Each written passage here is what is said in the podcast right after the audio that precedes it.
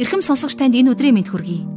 Библийн хуудас радио сурал хичээлийн маань өнөөдрийн нэгэн шинэхэн дугаар эхэлж байна. Тэгэхээр бид өнгөрсөн дугаарт эзэн Есүс Христ бол хондийнхоо төлөө амиа зориулсан сайн хончин. Тэр бол өөрийн хонин сүргийг хөтлөн дагуулж ундаалan титгэдэг агуу хончин. Мөн тэр бол бидний төлөө дахин ирж шударгаар захирах тэрүүн хончин мөн ийм гайхамшигтай хончин эзний хонин сүрэг болсон бид энэ амьдралдаа урам зоригтой. Итгэл найдвараар дүүрэн амьдрах учиртайг хамтдаа үзэж сурсан байгаа. Тэгэхээр та мэдэх бах. Есүсийн амьдарч байсан тухайн цаг үед Израильд хонь хариулахдаа монголчууд бидний шиг хонио урдаа гаргаад туох биш.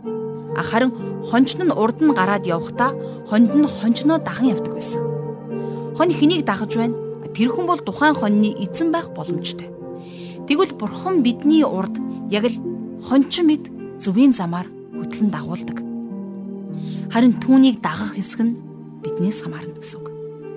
Өнөөдөр таны амьдралын хамгийн аимшигтай шалгуур юу вэ? Мэдээж хүн болгонд ийм шалгуур байдаг. Энэ бол үхэл. Үнэн дээр бид бүгд энэ дэлхий дээр үхлийн харанхуйн сүүдэр дор амьдрдаа гэж хэлэхэд болно. Гэхдээ энэ хөндийгөөр туулан гарахдаа хэн маань ч хорон муугаас айх ёсгүй юм. Бурхан бидэнд өөрийнхөө үг бүрээр үнэхээр гайхамшигтай тайвширлыг өгч байна. Тиймээс тэр биднийг хизээж орхихгүй. Түүний амлалтанд та итгээрэй. Тэр биднийг саваа болон таягаараа сахилгажуулж бас биднийг хамгаалдаг. Бурхны саваа Бурханаас холдон одож буй хонин сүргийг Бурхан руу эргүүлдэг юм. Тэгэхээр үнэхээр Бурхны сахилгажуулт гэдэг бол бидний тайвшрал болж өгдөг. Ингээд түүний дотор таныг баяр хөөрөөр дүүрэн алхахыг өрөөгөөд хичээлдээ орцгоё. Тэгэхээр энэ цагт бурхан танд гарцаагүй. Үнцэнтэй үгээ зүрхсэтгэл тань шигтгэн өгөх болно. Ингээд хичээлийн ихэнд хамтдаа залбирцгаая. Эзэн бурхан минь энэ цагт бид таны өмнө ирээд таны үгийг хүсэмжлэн залбирч байна. Бидний амьдрал тохиолдог зовлон бэрхшээлийн дунд бидэнд тайвшрал болох тэрхүү гайхамшигтай үгээ та энэ өдөр бидэнд өгөөч. Өдөр болгон бид таны үгээр тижээгдэн тэтгэгдэж, өдөр болгон таны хүслийн дотор алхахыг хүсэж байна. Эзэн минь ээ, та бол төг төмдийн эзэн, хаадын хаан, та эцдийн эзэн. Та бол сүр жавхлангийн хаан. Тийм ээ, эзэн минь та бол сайн хончин. Үнэн дээр бидэнд дутагдах, гачигдах зүйл гэж юуч байхгүй. Та биднийг ногоон бэлчээр твтүүлж, дөлгөө усны дэрэгдээр хөтэлдэг. Эзэн минь, сайн хончин минь таньда талархал өргөн залбирч байна. Хичээлийн энэ цагийг тань даатгаж, эзэн Есүсийн нэрээр залбирanгуйж байна. Амен. Ингээд хамтдаа жаргал ах шиг хичээлд анхаарлаа хандуулцгаая.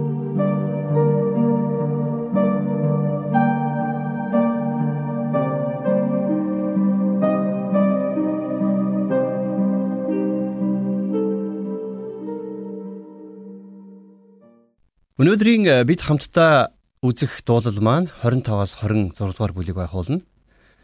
За 25 дугаар бүлгээс дуулал номын өөр нэгэн багц дууллууд эхэлж байна. 25-аас 39 дугаар бүлгийг хүртэлх эдгээр 15 дуулал бол бүхэлдээ Давидын дууллууд. Хэдийгээр эдгээр нь Давидын амьдрал тохиолдсон үйл явдлууд ч гэсэн өнөөдрийн та бидэнтэй холбоотой. За бидний өмнө үздсэн дууллууд бол нэлээд сүртэй, нэлээд хурц тод илэрхийлэлтэй байсан болвол одоо бидний үзэх багц дууллууд илүү намуухан, илүү хувийн шин чанартай дууллууд байдаг. Энэ бүх дууллууд бүгдээрээ өнгөрсөн одоо ирээдүйн цагтай холбогдож байдаг. Эдгээр дууллуудаас зарим нь биднэрт төдийлөн танил бус санагдаж болох юм. Гэхдээ тэд нар бүгдээрээ бидэнд Бурхны гайхамшигтай үннийг тунхагладаг юм аа. Мэдээж бид нэр тэр бүр наривчлан үзэж чадахгүй гол гол зүйлсийг үзээд явах боловч таныг маш их зүйлийг ойлгож авах болно гэдэгт би бат итгэлтэй байна. За мэдээж э, бид нэр тэр болгон наривчлан үзэж чадахгүй ч гэсэн гол гол зүйлсийг нь үзээд явах учраас энэ бүхнээс таныг маш их зүйлийг ойлгож авах болно гэдэгт би итгэлтэй байна. Заримдаа нойр холдсон үедээ ч юм уу эсвэл гэрээсээ хол байх үедээ баг зэрэг ганцаардах юм бол би хөвчлэн дуулал номын яг энэ хэсгийг уншдаг. За яагаад гэвэл эдгээр дуулууд амьдрал тохиолдсон хүн хэцүү асуудлуудын дунд бурханд хандаж байгаа хүний тухай өгүүлдэг юм. За эдгээр дуулуудад иш үзүүлгийн үгс ч гэсэн бас байгаа. За эдгээр иш үзүүлгүүдийг бид нэр ирээдүйд их зовлонгийн үеийг туулах Израилийн бурханлаг үлдэгдэхстэй ч холбон тайлбарлаж болно. За нөгөө тэгүр өнөөдрийн бидний амьдралтай ч гэсэн эдгээр дуулууд шууд холбогддог юм. Ингээд хамтдаа дуулал номынхон 25 дугаар бүлгийн 1-р ишлэлийг дэлгэцгээе. Эзэн танд би сэтгэлэн өргөдөг. Бурхан минь ээ би танд найддаг. Намайг ичгүүр бүү болгооч, дайснуудыг минь надаас болж бүү баярлуулаач.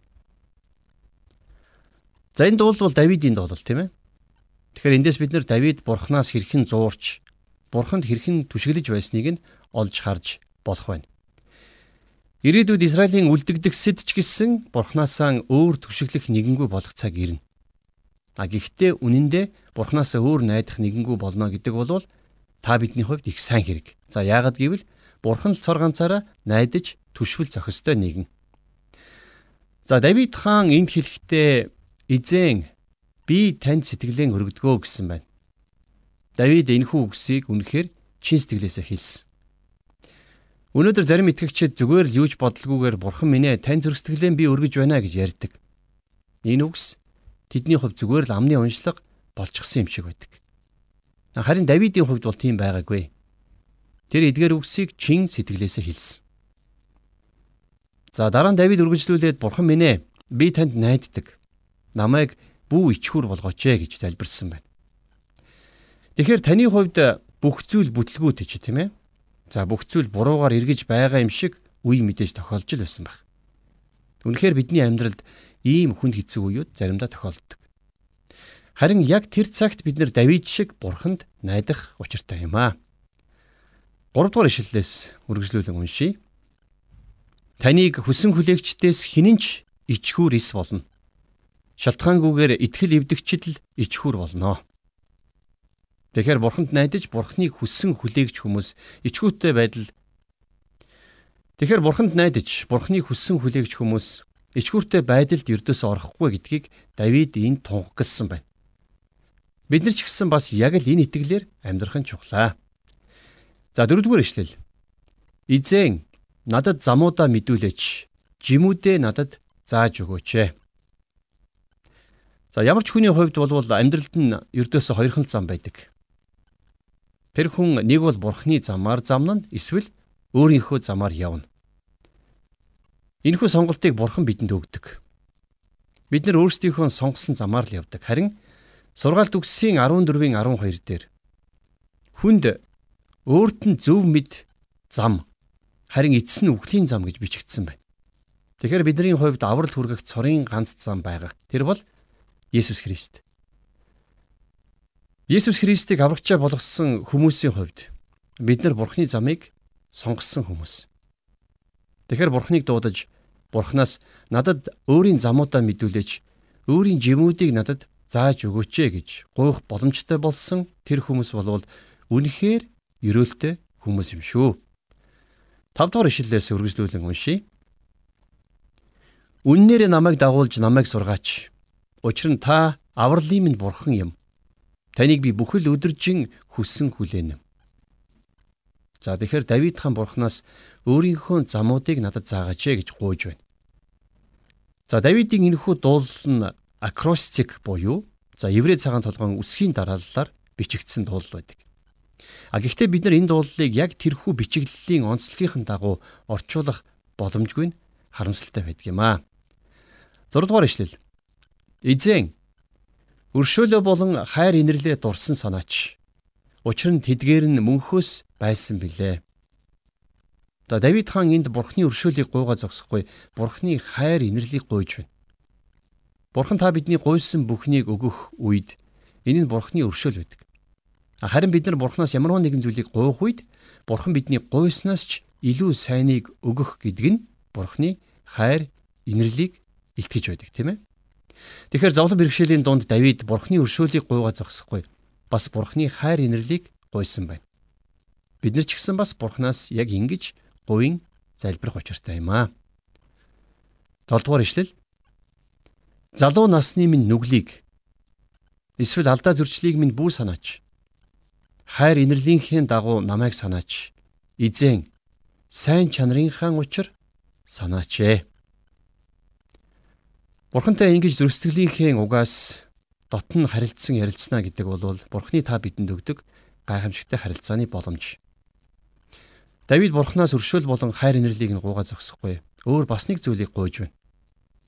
Гим нүгэл алдаа зөрчлийг минь мартаж өгөөч ээ гэж гуйсан байна, тийм ээ. За тэгээ дараа нь Давид дахиад л Бурхны хайр инэрл сайн чанарыг нь дуудан залбирсан. Үнэхээр бидний Бурхан өөрийнх нь өмнө гимшин ирж байгаа хүмүүсийн гим нүглийг уучлан мартахтаа сайн Бурхан. Тэднэрт хайр инэрлийнхээ дагуу хандахтаач сайн. Бидэнд Бурхны энхүү мартамхай чанар их хэрэгтэй. Бидэнд Бурхны өршөөл өдр болгон хэрэгтэй. Дуулалтын 23-ын 6 дугаар ишлэлдэр сайн сайхан хийгээд хайр инрэлт нь насан туршид минь намайг лавтаа дагнаа гэж Давид хаан бичсэн байна. За дараагийн хэсгээс бид Давид хааны бурханд итгэж найдсан бат итгэлийг илэрхийлсэн хэсэг ишлүүдийг хамтдаа уншийе. За 25 дугаар дуулалтынхаа 8-аас 9 дугаар ишлэл. Эзэн сайн зөв шудраг юм. Тиймээс тэрээр нүгэлтнүүдэд замыг зааварлах буюу. Тэрээр даруй хүнийг шударгаар удирдах тэдэнд замаа сургадаг. За тэгэхээр бурхан гим нүгэлтэд сул дорой биднийг авралдаа багтаасан нь бурханы сайн чанарыг за түүний хайрыг түүний зөвхт байдлын илэрхийлэл болдог тийм ээ. Тэгэхээр бид нар бурханы өмнө өөрсдийгөө даруй болгон ирэх яг тэр үед бурхан биднэрт өөрийнхөө замыг сургаж биднийг хөтлөн дагуулж байдаг. За цааш нь 11 дугаар ишлэгийг хамтдаа уншийе. Эзэн нэрийнхээ төлөө хилэнцгийг минь уучлаач. Учир нь энэ нь үлэмж билээ. За гайхамшигтай үнэн байна тийм ээ. Бурхан биднийг уучилдаг гэж. А гэхдээ бид нэр сайн уучраас юм уу? Ариун уучраас биш. Харин Есүс Христ сайн уучраас. Есүс Христийн бидний төлөө төлсөн золилтын улмаас л Бурхан биднийг уучилдаг. Тэгэхээр Бурхан Давидын энхүү гуйлтанд хариулж Давидыг уучлсан. За яг ингэснийхэн адилаар хэрвээ бид нар Есүс Христэд итгэх юм бол Бурхан та биднийг ч гэсэн бас уучлах болно. Хэрвээ Давидын амьдралыг харах юм бол Давид тиймч гимгүү ариун хүн байгаагүй. Харин ч маш олон муухай зүйлийг хийсэн. А гэхдээ л Бурхан тэрнийг уучлсан, тийм ээ. Тэгэхээр энэ бүх үйл явдлын баримт бол биднэрт тайвшрал болох учиртай. Хэрвээ бурхан Давид шиг муу хүнийг уучлж чадсан бол биднийг ч гэсэн бас уучлах болно. За Иремая номын 31-ийн 34 дугаар ишлэлдэр бурхан ингэж хэлсэн байна. Би тэдний хилэнцгийг уучлж нүглийг нь дахин ис саннаа гэж. За бидний бурхан бол ийм л нэгүүлсэнгүй бурхан юм шүү дээ. 14 дугаар ишлэл. Эзний андлал өөрөөс нь эмээгчдтэй хамт байдаг. Тэр тэдэнд гэрээгээ мэдүүлнэ. За анлал гэсэн гайхамшигтай үг байна. Энэ бол эзэн бурхан өөрийн бүтээсэн хүмүүнтэйгээ дотн харилцаатай, найз нөхрийн харилцаатай болох боломжтой гэдгийг Библи бидэнд хэлж байна. Өнөөдөр итгэлийн амьдралдаа маш олон асуултын тэмдэгттэй амьдардаг итгэгчид их олон байдаг. Тэд нар Библиэлд их олон зүйлсийг ойлгодгүй. Бурхан яаж ажилдаг вэ гэдгийг ч тэр бүр мэддэггүй. Тэдний итгэлийн амьдралд Бурханыг мэдэх мэдлэг маш ихээр дутагдж байна. Харин бурхнаас имээдэг хүмүүст бурхан өөрийнхөө гэрээг өөрийнхөө үгийг мэдүүлнэ гэж энд хэлсэн байна. Заримдаа бид нэр бурхны өмнө итгэлээр амьдрахдаа зарим нэгэн зүйлийг заавал асуух шаардлагагүй байдаг. Заримдаа бид нар зүгээр л итгэлээрээ бурхны гараас хөтлөөд юу ч асуулгүй ураг шалхах хэрэгтэй байдаг. Бяцхан хүүхдэд дагуулад явхаар яадаг үлээ дээ. Замд таарлдсан бүх зүйлсийн талаар хүүхэд маань асуудаг шүү дээ. Хилж өгөөд л байхад асуугаад л байдаг тийм ээ. Тэгэхээр хүүхэд ээж аваасаа замд тааралдах элдв зүйлсийг асуусаар асуусаар сүулт нь ядраад дуугу болж ээж аавда тэрвүүлээд явж байдаг шүү дээ. Гэтэл тэр хүүхэд олон юм асуусан асуугаагүй ээж аав нь тэрнийг аюулгүй авч явсаар зорсон газартаа очдог. За тэгвэл яг энэ шиг заримдаа бид нар бурхнаас дэндүү их зүйлийг асуудаг. За тэрч битгийхэл бурхан биднэрт аль хэдийн хариулцгаад байхад л жаахан хүүхчиг дахин дахин асуусаар л байдаг. Зарим тохиолдолд бид нар Бурханаас янз бүрийн асуулт асуухын оронд зүгээр л Бурханд итгэж Бурханы гараас хөтлөн урагш алхах нь илүү дээр байдаг юм аа. 15-аас 17 дугаар эшлэл. Нүдмийн үргэлж эзэн өөд хардаг. Учир нь тэр миний хөлийг урхинаас суллана. Би ганцаард нь шаналсан тул над руу эргэж намайг нэгүүлсэч. Зүрхний минь зовлон шанал ихслээ. Шахаанаас минь намайг гаргаач. Зовлон шаналлынхаа дунд ч гэсэн бид нар Бурхны өмнө яг л ингэж залбирах хэрэгтэй. Яагад үг гэвэл Бурхны нүд үнэхээр биднийг харж байдаг. Тэгэхээр Бурхан биднийг харж байдаг учраас бидний зовлон дундах залбирлыг сонсож хариулт өгч байдаг юм. 18 дугаар ишлэл. Шанал зовлон зүдгүүрийг минь харж нүгэл бүхнийг минь уучлаач. За заримдаа зовлон бэрхшээл биднэрт сайнаар тусдгаа гэж та бодож үзсэн үү? Яагаад гэвэл зовлонгийн дунд бид нар ихэнхдээ өөрсдийгөө даруй болгож бурхныхаа өмнө гим нүглээ гимшдэг шүү дээ. За Давид яг л ийм зүйлийг хэлсэн байна, тийм ээ. За цааш нь 19-оос 21 дугаар ишлэгийг хамтдаа харъя. Дайснуудыг минь хараач. Учир нь тэд олуула бөгөөд тэд намайг асар их хорслоор үзен яддаг. Сэтгэлийг минь хамгаалж намайг авраач. Би таны дотор хорогддог тул намайг ичгүүрт бүү оруулаач. Би таныг хүссэн хүлээдэг учраас үнэнч шулуун шударга нь намайг хамгаалаг. За Давидынд үргэлжлүүлээд бурханд хандан аврал тусламж гуйн залбирсаар байна. Давидынд өөрийгөө бурхны дотор хорогддог гэж хэлж байна тийм ээ. За эцэст нь Давид энэхүү дууллаа дараах үгсээр төгсгсөн байна. Хамтдаа 22 дугаар ишлэлийг харъя. Бурхан Израилийг зовлон шаналн бүхнээс нь авраач. За эндээс харах юм бол Давид Израилийн төлөө зуучлан залбирсан байна, тийм ээ. За энэхүү дуулал ирээдүйд их зовлонгийн үеийг туулах Израилийн бурханлаг үлдэх сэттэй ч холбоотой гэдгийг бид нар эндээс харж болж байна. За тэр цагт бурхан Израилийг зовлон шаналлаас нь аврах болтугай гэж Давид залбирсан байна. За энэхүү үйл явдал бол бүр хожим болох үйл явдал. Өөрөөр хэлэх юм бол ирээдүйд Израильчуудад тохиолдох үйл явдлыг зөвгнөн хэлсэн байна. За нөгөө талаараа итгэгч бидний хувьд ч гэсэн бас л бүгд л амьдралдаа янз бүрийн хүнд хэцүү цаг үеийг туулж байгаа. За тийм учраас энэ бол итгэгч бидний ч залбирах ёстой залбирлаа гэж би хувьдаа бодно. Бид нар яг л Давид шиг Бурхан та намайг зовлон шаналн бүхнээс минь авраач ээ гэж залбирах учиртай. Үнэн дээр бидний амьдрал тохиолдож байгаа зовлон бэрхшээл бүхэн бидний амьдралд үүрд үлдэх гэж биш харин бидний амьдралаас арилан одохын тулд ирдэг юм а гэдгийг би энд сануулмаар байна. Бид нар бурханд хандан залбирах яг тэр үед бурхан бидний залбирлыг сонсож бидний амьдралын зовлон шаналлыг арилгах болно. За үргэлжлүүлээд 26 дугаар бүлгийг дэлгэцгээе. Тэгэхээр 25 дугаар бүлэг дээр Давид бурхны өмнө гим нүглээ гимссэн байгаа тийм ээ. Давид бол үнэхээр их гим нүгэлтэй нэгэн байсан. Харин одоо үзэх 26 дугаар бүлэг дээр болвол Давид зөвхт байдлын талаар өгүүлсэн байгаа юм.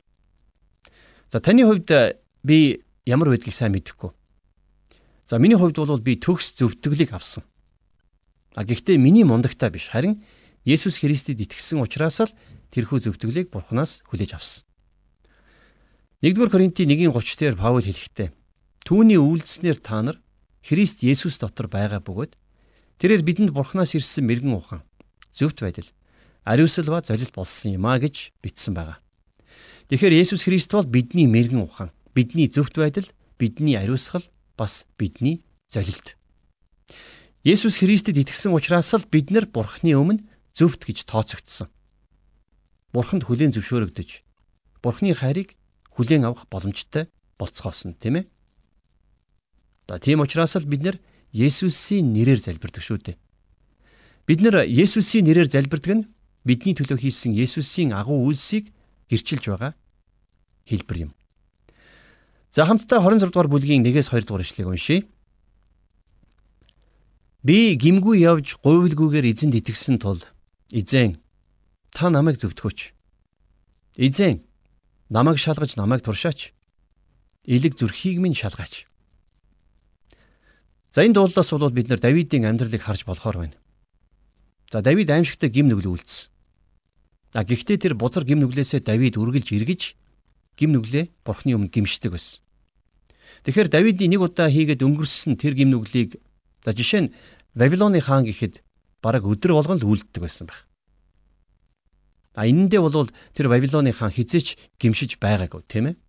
Харин Давидын хувьд бол хэдийгээр гим нүгэл үлдсэн ч гэсэн тэр нь тэрний амьдралтай харьцуулахад цагаан цаасан дээрх өчүүхэн хар бихний толб мэт байсан юм.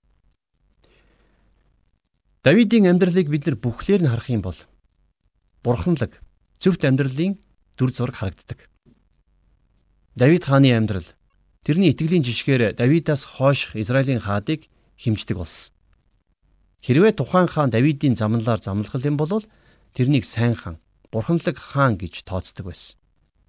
За тийм учраас Давид юу гэж хэлсэн гэхлээр би гимгүй явж гойвлгүйгээр эзэнд итгэсэн тул эзэн та намайг зөвтгөөч ээ гэж Давид залбирсан байна. Тэгэхээр Давид мундагтаа биш харин бурхан агуу учраас тийм ээ. Тэгээд Давид бурханд итгэсэн учраас тэр гимзэмгүй гойвлгүйгээр явдаг байсан байна. Давид энийгээ ч гэсэн сайн мэддэг байсан. Тэгэхээр эрийн сайнд биш. Харин эзний сайнд Давид ингэж залбирах боломжтой болсон байна. 3-5 дугаар ишлэл. Хайр инрэлт нь нүдний минь өмнө буй агаад таны үннээр би явсан. Хуурмаг хүмүүстэй би суудаггүй. Дүрсгэгч нартай хамт ч би явахгүй. Ёрмог үлдэгчдийн чуулганыг би үзен яддаг. Буруутантай хамт би суугаагүй. За энэ саяын хідэн ишлэлийг харах юм бол яг агуулгын хувьд дуулал номын 1-р бүлэгтээ их төстэй байгааз. Тэгэхээр дуулал номын 1-р бүлэг дээр юу гэж байдаг вүлээ? буруутнуудын зөвлөгөөгөөр алхадгүй, нүгэлтнүүдийн зам дээр зогсдгүй, басамжлагчдын байранд суудгүй хүн ерөөлтөө ёо гэж нэгдүгээр бүлэг эхэлдэг тийм ээ. А тэгвэл Давид энд өөрийгөө хуурмаг хүмүүстэй би суудаггүй. Дүрсгэгч нартай хамт ч би явахгүй. Ёрмог үлдэгчдийн чуулганыг би үзэн яддгаа гэж хэлсэн байгаа. Өөрөөр хэлэх юм бол Давидын амьдрал бол бурханлаг хүний амьдралын жишээ байсан. Бурханлаг хүн гэж хэм бэлээ? Тийм ээ. Бурханаас имээдэг хүний хэлж байгаа тийм ээ. За 6 дугаар ишлэл дээр зэмгүй цэврээр би гараа угааж таны тахилын ширээг тойрноо эзэн. Та бидний итгэл зөвхөн бидний үг яриагаар илэрх биш. Харин бидний зөвхт амьдралаар илэрдэг байх учиртай.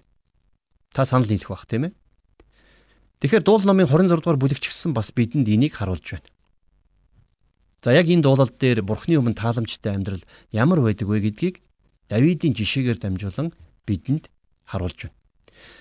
Бид нар итгэлийн амьдралдаа яг л Давид шиг бурханлаг, бурхнаас имээдэг зөвхт амьдралаар амьдрах ёстой. За төгсгөлийн 12 дугаар ишлэлдэр Давидын хэлсэн үгийг хамтдаа уншицгаая. Хөлмөн тэгш газарт зогсном. Цуглартуудад би эзнийг өрөөнөм гэсэн байна. За Давид хөлмийн тэгш газарт зогсно гэж яг юу хэлсэн бэ? За Давид хаан өөрийгөө хадан суурин дээр бат зогссон гэдгийг хэлж байна. Та бидний хадан суур хэн блэ? Тийм ээ. Бидний хадан суур бол Есүс Христ. Хэрвээ та бид нар халтргаатай эсвэл налуу газар зогсож байвал мэдээж хөл алдна тийм ээ. Өнөөдөр магадгүй маш олон итгэгчид иймэрхүү газар зогсож байна. Тэд нар гим нүгэл бузар муутай хитрхи ойрхон зогсдог. Үүгээрээ тэд нар маш их халтаргаатай газар зогсож байна гэсэн үг. За зөвлөлөх юм бол биш үү? Яг л чихрийн тавгны дэрэг зогсож байгаа жаал хүү шиг үйлдэлийг өнөөдрийн итгэгчид хийсээр байна. За нэг удаа нэг ээж гэртээ ороод иртэл хүүн дүүрэн чихртээ чихрийн тавгны дэрэг зогсож байсан гин. Минийхөө чи наана юу хийж байгаа юм бэ гэсэн чи хүүн би уруу татлагтайгаа тэмцэж байна гэж хариулсан гэдэг.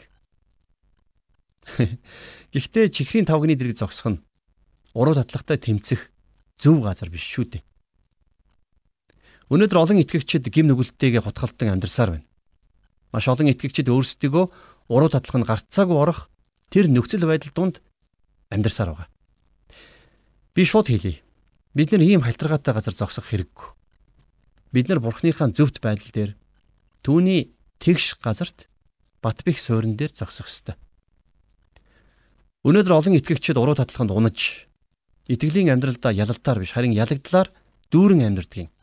нэг том шалтгаан бол ерөөсөө тэд нэр уруу татлагтай тэмцэхдээ яг тэр жаал шиг буруу газраа л зогсож байдагтай холбоотой юм аа.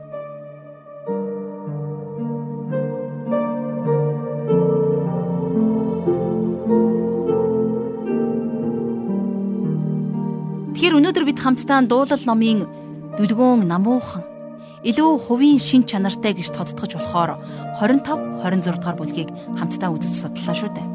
Тэгэхээр энэ бүх дуулууд бүгд өнгөрсөн одоо ирээдүйд цагтай холбогдож харахад үнэхээр гайхамшигтай байсан. Ягаад тэгэхээр эдгээр дуулал магтуунууд бол бүгд амьдрал тохиолдсон хүнд хэцүү асуудлуудын дунд бурханд хандах хүний тухай өгүүлж байгаагаараа ихээхэн онцлогтой.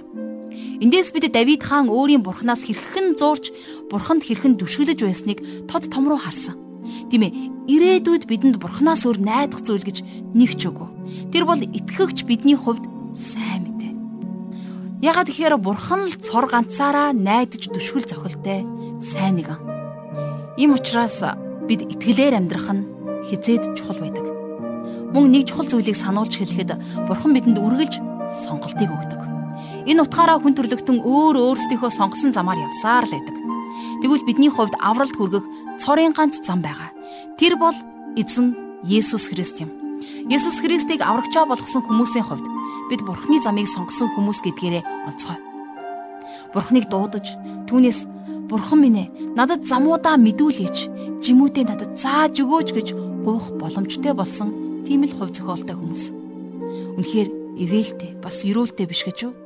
Үүний төлөө эзэн Есүс Христ бидний гмийн төлөө модон загалмайг үүрч модон загалмайн үхлийг сонгосон шүү. Тэгэхэр бурхан өөрийнх нь өмнө гимшин ирж байгаа хүмүүсийн гим нүглийг уучлахтаа бэлэн байдаг гэдгийг би энэ цаг мөчөд танд хэлье. Та бас хизээ нэгэн цагт яг энэ хүү сайн мэдээг бусдад түүчээлэн дамжуулж өгөөрэй. Танд бурханы өршөөл үнэхээр хэрэгтэй байгаа. Тэгэхээр энэ хүрээд өнөөдрийн хичээлээ хамтдаа өндөрлцгөөе. Үргэлжлэл болоод бид дараагийн хичээлээр ямар ном, ямар бүлгүүдийг үзэх бол хамтдаа залбирцгаая. Эзэн бурхан минь ээ, таньда баярлалаа аваа. Зовлон дундаас хашгирах өөрийн хүмүүсийн залбиралд та чих тавин сонсдог үлээ. Та биднийг зөвтгөж, Есүс Христээр дамжуулаад тань дээр ирэх тэрхүү замыг та бидэнд зааж өгсөн билээ. Их эзэн минь, бүхний төгсгөлд та алдарш болтугай. Та биднийг зөвтгөж, Тийм ээ эзэн минь та биднийг уучлж, та биднийг инэрэн хайрлсан. Бидний итгэлийн амьдралыг та гэрчлэлээр дүүрэн байлгаач. Бид өөрсдийн итгэлээ үйлсээрээ харуулж, амьдралаараа танийгаа гэрчлэн харуулсан тийм итгэгчд байхад та бидэнд туслаач. Махан биеийн хүслийн дагуу биш, харин таны ариун сүнсний удирдамжийн дагуу амьдрэх хүмүүс болгож, та өөрчлөн өрөөгөөч аваа. Ирэх хичээлүүдийг, ирэх өдрүүдэд таны мотор даатгаж, эзэн Есүсийн нэрээр залбирanгуйж байна. Амен.